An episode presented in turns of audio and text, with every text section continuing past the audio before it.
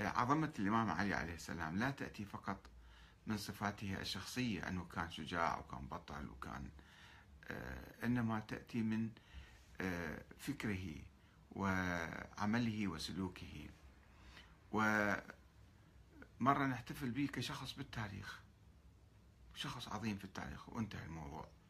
يعني ما له ربط بحياتنا أو بواقعنا أو بمجتمعنا. وتطورنا الديمقراطي حتى. ومرة لا نحاول آه، نستكنه آه، سر شخصيته. هو كان يتميز بصفة أساسية وتاريخية و يعني معروفة لدى جميع الناس العدل في تجربته في الحكم. آه، العدل ما هو سر العدل في شخصية الإمام. لماذا أصبح عادلا؟ وأصبح غيره من الحكام الظلمة طغاة ومستبدين وقتلة ويتجاوزون القانون يتجاوزون الحدود الشرعية.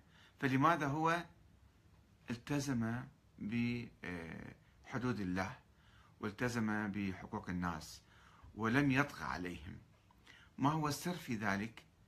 وما هو آه، يعني رأيه في بناء المجتمعات لكي آه، تصبح بهذا المستوى أن تعيش بعدل.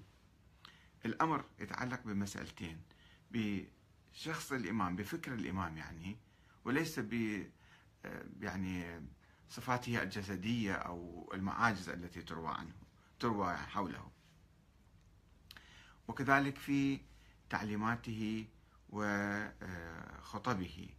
فبهذه المناسبة نقوم بجولة بالاستماع إلى الإمام أمير المؤمنين وهو يتحدث آه، عن الحقوق وعن العدل. وطبعا كما سوف ترون أن المسألة تتعلق بإيمانه بالله تعالى وخوفه من الله تعالى وإيمانه بالآخرة. إيمانه بأن هاي الدنيا دار ممر وليست دار مقر ولا تسوى شيئا عند الله. ولذلك لم يسعى إليها ولم يعبدها ولم يتشبث بها ولم آه، يسحق دينه من أجل الفوز بهذه الدنيا. الدنيا كانت عنده لا تساوي عفطة عنز كما يقول. وأيضا سوف نستمع إلى خطبه الأخرى التي تتحدث حول حقوق الوالي والرعية. يقول الإمام أمير المؤمنين والله لئن أبيت أو أبيت على حسك السعدان مسهدا وهذا حسك معروف في الصحراء جدا قاسي. أو أجر في الأغلال مصفدا. أجر في الأغلال مصفدا. أحب إلي من أن ألقى الله ورسوله يوم القيامة إيمانه بيوم القيامة لاحظوا ظالما لبعض العباد أو غاصبا لشيء من الحطام من المال يعني الحرام. كما يفعل الحكام الظلمة والمسؤولون الذين لا يؤمنون بالله تعالى.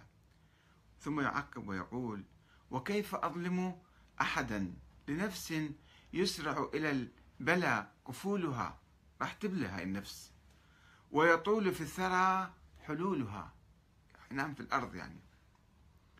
ويقول والله لو أعطيت الأقاليم السبعة بما تحت أفلاكها على أن أعصي الله في نملة أسلبها جلب شعيرة. ما فعلت. وأن دنياكم عندي هاي دنيا عن الحكم. دنيا السلطة والحكم والخلافة. وأن دنياكم عندي لأهون من ورقة في فم جرادة تقضيمها. شنو قيمة هاي الورقة اللي الجرادة قاعد تأكلها؟ ويقول ما لعلي ولنعيم يفنى. ولذة لا تبقى. ونعوذ بالله من سبات العقل وقبح الزلل وبه نستعين. أما والذي فلق الحبة وبرأ النسمة لولا حضور الحاضر وقيام الحجة بوجود الناصر. وما أخذ الله على العلماء أن لا يقاروا على كظة ظالم ولا سغب مظلوم مسؤولية عندي يعني.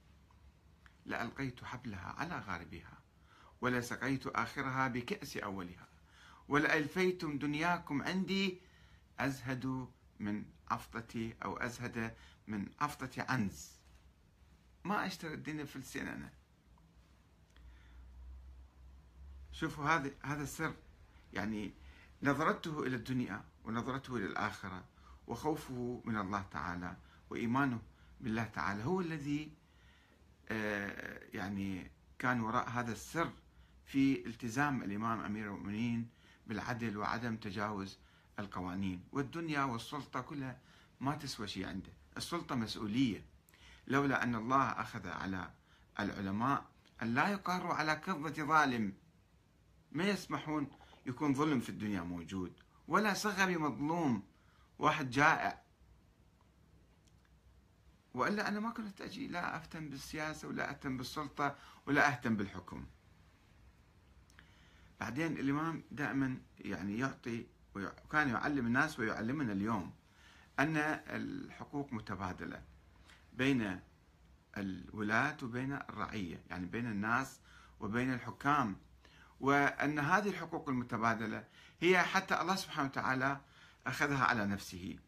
فلذلك يعني لازم يكون توازن في المجتمع بين الحاكم وبين المحكومين. إذا فقد هذا التوازن لسبب ثقافي أو سبب سياسي أو سبب عسكري فراح يختل المجتمع ويسود الظلم والفساد في هذا المجتمع. فنستمع إلى